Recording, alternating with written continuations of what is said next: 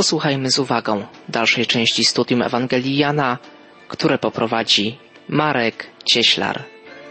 Nikodem przyszedł do Jezusa w nocy.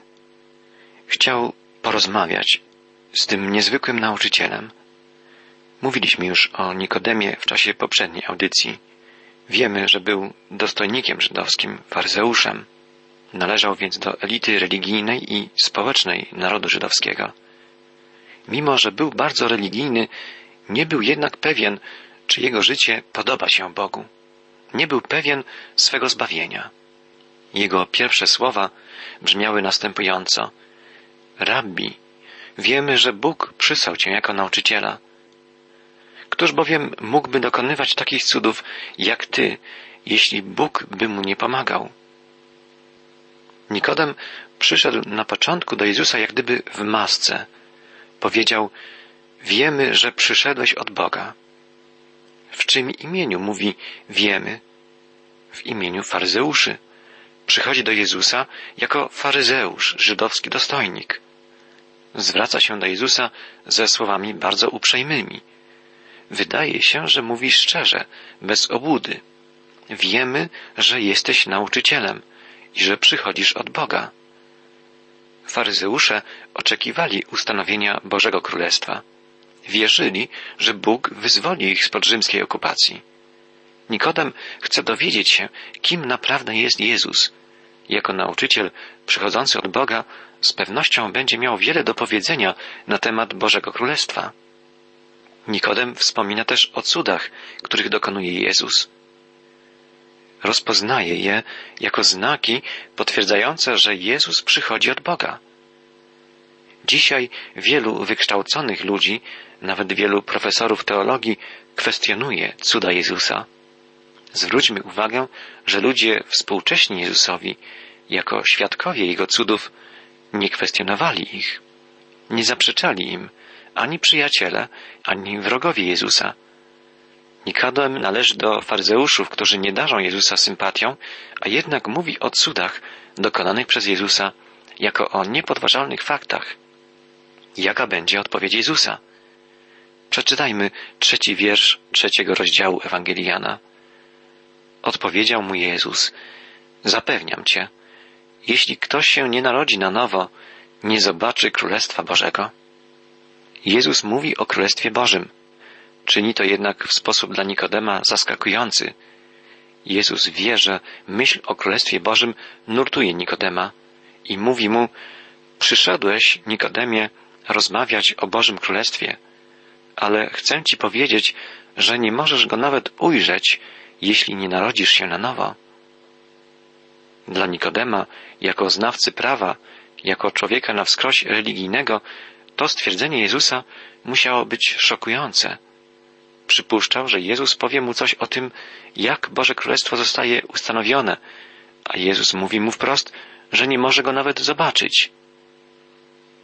Jezus zwrócił się do niego w sposób bardzo osobisty i konfrontujący. Nikodem jest poruszony. Zdejmuje maskę faryzeusza i pyta, jak może urodzić się człowiek dorosły? Czy może wejść do łona swej matki i przyjść na świat po raz drugi? Jezus mówi Nikodemowi, że musi się na nowo narodzić. Greckie słowo anoten, które tu znajdujemy w oryginalnym tekście, znaczy z góry. Jezus mówi więc o narodzeniu się z góry, a więc z Boga, o narodzeniu się w sensie duchowym. Nikodem nie rozumie, czym jest owo narodzenie. Nie jest w stanie tego pojąć. Stanowczo zapewniam cię, odpowiedział Jezus, jeśli się kto nie narodzi z wody i z ducha, nie dostanie się do Bożego Królestwa. Co znaczą te słowa o narodzeniu się z wody i z ducha? Nie ma do dzisiaj jednomyślności w odpowiedziach na to pytanie. Niektórzy teolodzy uważają, że narodzenie z wody i ducha to chrzest. Inni przypuszczają, że chodzi tu o naturalne, fizyczne narodziny dziecka, które są narodzinami w wodzie, w wodzie płodowej, oraz o narodziny z ducha, czyli ożywienie ducha człowieka. Wypowiedź Jezusa Nie dotyczy jednak rozróżnienia pomiędzy naturalnymi, fizycznymi narodzinami, a narodzinami duchowymi. Jezus tłumaczy Nikodemowi, jak dokonuje się narodzenie z góry, narodzenie na nowo. Czym więc jest narodzenie się z wody i ducha? Woda, o czym mówiliśmy już nieraz w trakcie naszych rozważań, jest w Biblii symbolem Bożego Słowa. Słowo Boże ma oczyszczającą, uświęcającą moc. W dalszej części Ewangelii Jana zapisana jest na przykład wypowiedź Jezusa zwracającego się do uczniów Wy jesteście czyści dzięki słowu, które wam głosiłem. Apostoł Paweł używał tego samego porównania, pisząc o kąpieli odrodzenia poprzez Boże Słowo. Narodzenie z wody i ducha oznacza więc, że człowiek duchowo rodzi się dzięki działaniu w jego sercu Bożego Słowa przy udziale Ducha Świętego. Innymi słowy, tylko ożywione przez Ducha Świętego Słowo Boże może sprawić, że otwierający się na Boże działanie człowiek rodzi się na nowo.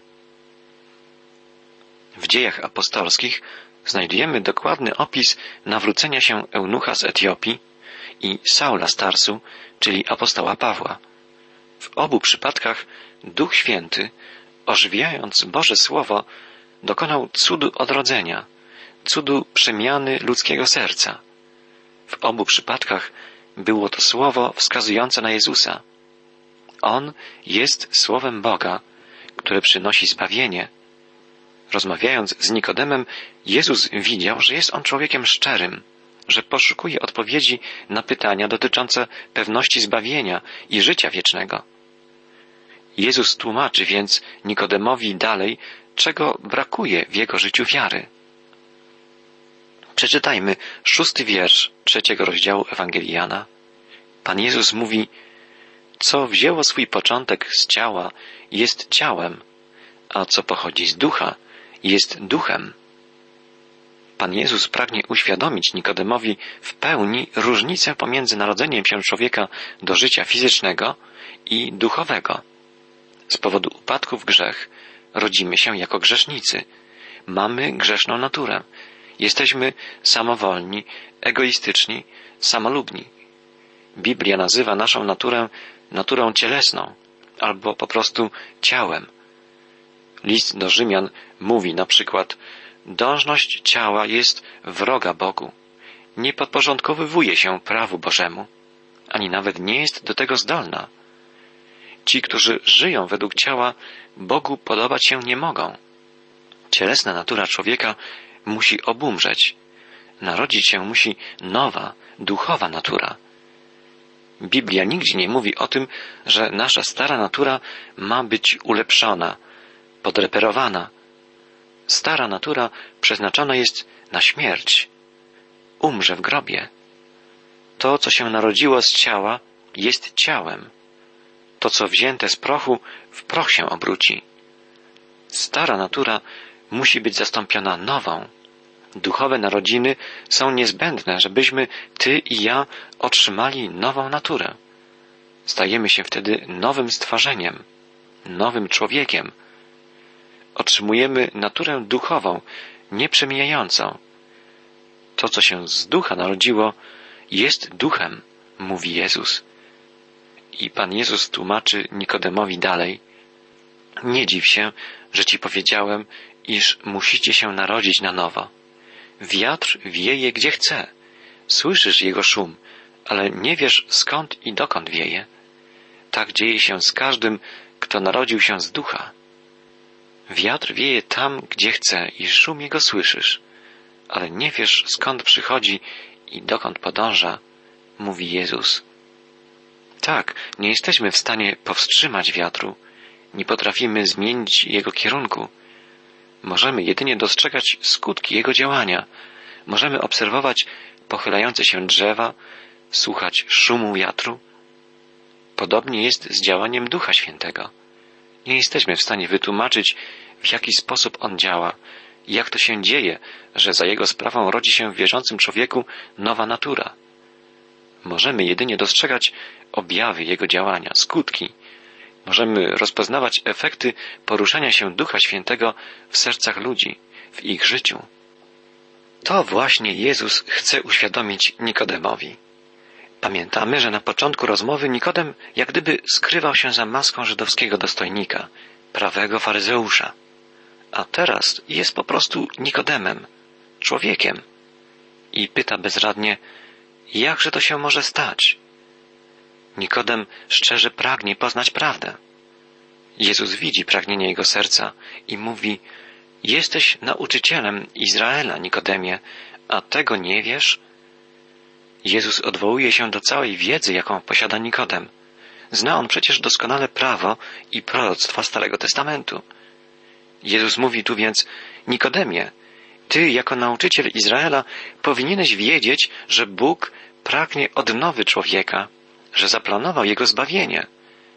Jezus mówi, zapewniam cię, że mówię o tym, co wiem i świadczę o tym, co widziałem, a mimo to nie przyjmujecie mojego świadectwa.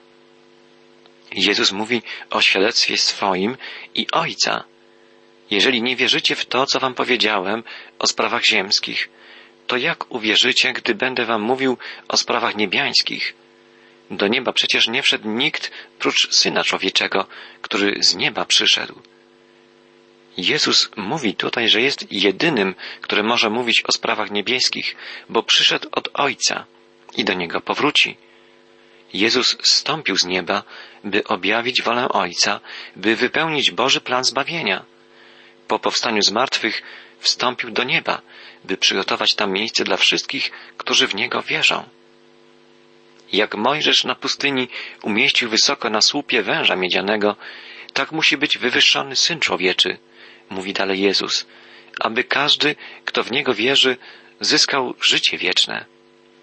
Gdy Mojżesz umocował na wysokim drzewcu miedzianego węża dla ratunku ludziom ginącym z powodu swego grzechu, jedynym ratunkiem dla nich było spojrzenie na wywyższonego węża. Chrystus zostanie wywyższony w ten sam sposób na krzyżu. Miedziany wąż obrazował grzech ludu izraelskiego.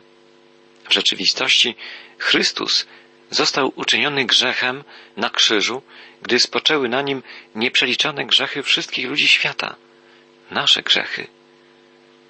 Tak bowiem Bóg umiłował świat, że poświęcił swego jedynego syna, aby każdy, kto w niego wierzy, nie zginął, ale miał życie wieczne.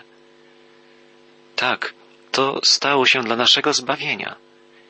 Nikodema, moja i Twoja wiara powinny polegać na uznaniu Jezusa za Syna posłanego od Ojca.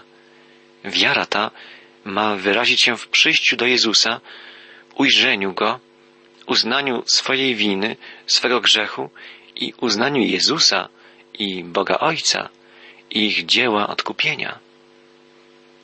Wtedy, dzięki takiej wierze, człowiek wchodzi w nowe życie, życie polegające na udzieleniu mu przez Boga wiecznego życia, które swój ostateczny triumf osiągnie po śmierci. Jezus mówi tu Nikodemowi o dwóch rzeczach, które muszą nastąpić, aby człowiek otrzymał dar zbawienia i życia wiecznego. Człowiek musi się narodzić na nowo i Chrystus musi być wywyższony. Te dwa musy ściśle są ze sobą powiązane. Jezus musi umrzeć na krzyżu, a potem powstać z martwych, żeby ponieść na krzyż nasz grzech i tam go unicestwić, a potem utorować nam drogę ku nowemu życiu. Gdy przyjmujemy wiarą Jezusa jako naszego Zbawiciela, wraz z Jego śmiercią następuje śmierć naszej starej natury, a wraz z Jego zmartwychwstaniem nasze narodzenie się do nowego życia. Tak, Jezus musiał umrzeć i powstać z martwych, byśmy mogli narodzić się na nowo. Dzieje się to wszystko dzięki wielkiej Bożej miłości i z Jego niezgłębionej łaski. Bóg tak nas umiłował, że posłał swego jedynego Syna, żeby zmarł za nas na krzyżu. Możemy być zbawieni jedynie z Bożej łaski, jedynie dzięki Bożemu miłosierdziu. Przyjmujemy Jego łaskę, Jego dar wiecznego życia jedynie na podstawie wiary. Każdy, kto wierzy w Jezusa Chrystusa, każdy, kto zaufa Mu jako Zbawicielowi, otrzymuje dar zbawienia. Tak naucza Jezus. Nasza wiara ma być wiarą w dzieło Jezusa na krzyżu, wiarą w to, że Syn Boży zmarł tam, by przyjąć na siebie karę za nasze grzechy. Wiara jest czymś bardzo osobistym. Drogi słuchaczu, nic nie zastąpi Twojej osobistej wiary. Musisz uwierzyć w to, że Jezus zmarł za Ciebie, że zajął na krzyżu Twoje miejsce, bo zginął za Twoje grzechy. Jezus naucza Nikodema i nas dalej. Czytamy Jego słowa zapisane w siedemnastym i osiemnastym wierszu trzeciego rozdziału Ewangelii Jana. Bóg posłał Syna nie po to, aby świat osądzić, ale aby przez Niego świat uratować. Kto wierzy w Syna, jest wolny od sądu, a kto nie wierzy, już jest osądzony, bo nie uwierzył w jedynego Syna Bożego. Jezus przyszedł na ziemię po raz pierwszy nie jako sędzia, a jako zbawiciel. Następnym razem przybędzie jako sędzia. Ale teraz Jezus mówi wyraźnie, że nie przyszedł po to, by świat potępiać, ale po to, by zbawić nas. Jeśli ktoś nie uwierzy w Niego, wtedy jest potępiony. Drogi słuchaczu, jeśli nie wierzysz w Jezusa, będziesz potępiony. Dlaczego? Bo nie uwierzyłeś w imię jednorodzonego Bożego Syna. Jego imię jest imieniem Zbawiciela. Każdy, kto wierzy w Jezusa, kto ufa Mu, nie podlega potępieniu, ale ma już życie wieczne. Pamiętajmy, że Jezus nadal rozmawia z Nikodemem. Nikodem jest faryzeuszem. Faryzeusze wierzyli, że gdy przyjdzie Mesjasz, będzie sędzią. Stary Testament ukazuje dwa aspekty przyjścia Mesjasza. Po pierwsze, ma on nadejść jako Zbawiciel. Ma przyjść, aby umrzeć, by wziąć na siebie winę ludzi i zapłacić karę za ich grzech. Po drugie, ma przyjść jako sędzia, aby osądzić cały świat. Wiele fragmentów Starego Testamentu mówi o tym. W psalmach Dawid zapowiada, że Pan przeprowadzi swój sąd nad światem i że będzie sprawować sprawiedliwe rządy. Mówi o tym na przykład psalm 45. Podobnie prorokuje Izajasz. W 11 i 42 rozdziale jego proroctw czytamy o panowaniu Boga w sprawiedliwości po dokonaniu sądu ostatecznego. W siódmym rozdziale Księgi Daniela czytamy o dokonaniu przez Pana sądu nad całym światem. Pan Jezus bardzo wyraźnie mówi Nikodemowi, że Bóg posłał tym razem swego Syna nie po to, by osądził świat, ale by go zbawić. W języku oryginalnym Nowego Testamentu słowo świat tu występujące to greckie słowo kosmos. Bożym zamiarem jest więc odkupienie całego świata.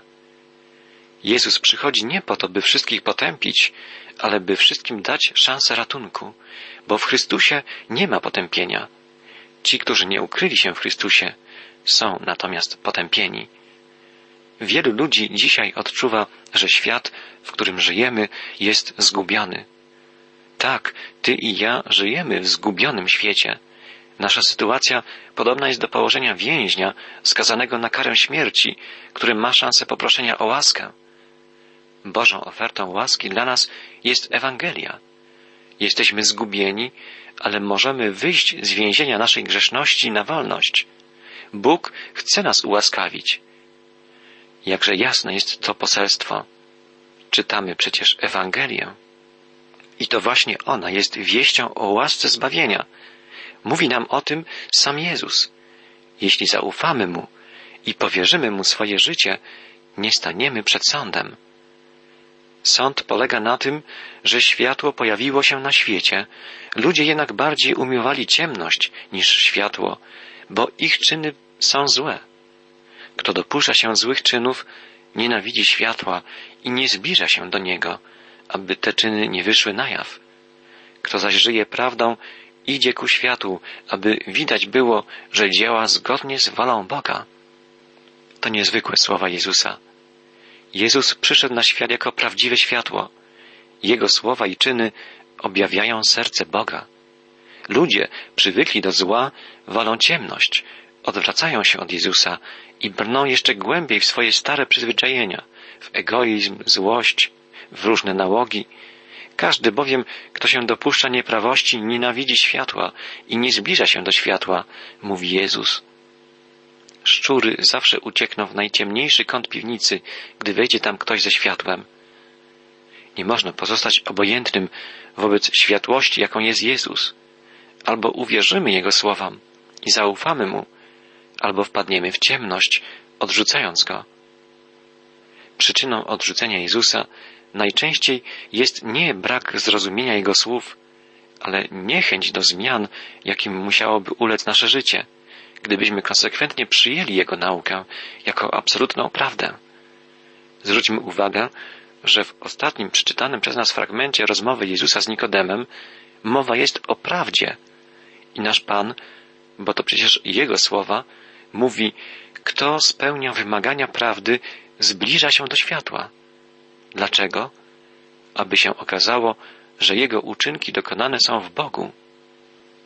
Gdy zbliżymy się do Jezusa, gdy trwamy w bliskiej, osobistej więzi z Nim, nie musimy obawiać się żadnej konfrontacji, żadnej obmowy, żadnej przeciwności. Chodzimy wtedy w świetle, chodzimy w Bożej prawdzie. Nie podlegamy sądowi. Już rozpoczęliśmy wieczne życie. Tak wspaniale zakończyła się rozmowa Jezusa z Nikodemem. Czy Nikodem zrozumiał słowa Pana? Mamy podstawy, by sądzić, że tak. Wiemy, że potem bronił Jezusa przed innymi przywódcami religijnymi, a po śmierci Jezusa wspólnie z członkiem Najwyższej Rady Józefem z Arymatei zaopiekował się ciałem Jezusa. Nikodem więc nie tylko zrozumiał to, co Jezus mu powiedział w trakcie tej nocnej rozmowy, ale uwierzył Jezusowi, zaufał mu i zaczął postępować zgodnie z jego nauką. Nikodem zapewne był pod krzyżem Jezusa, gdy oddawał on życie za grzechy wszystkich ludzi, a więc i za jego grzech.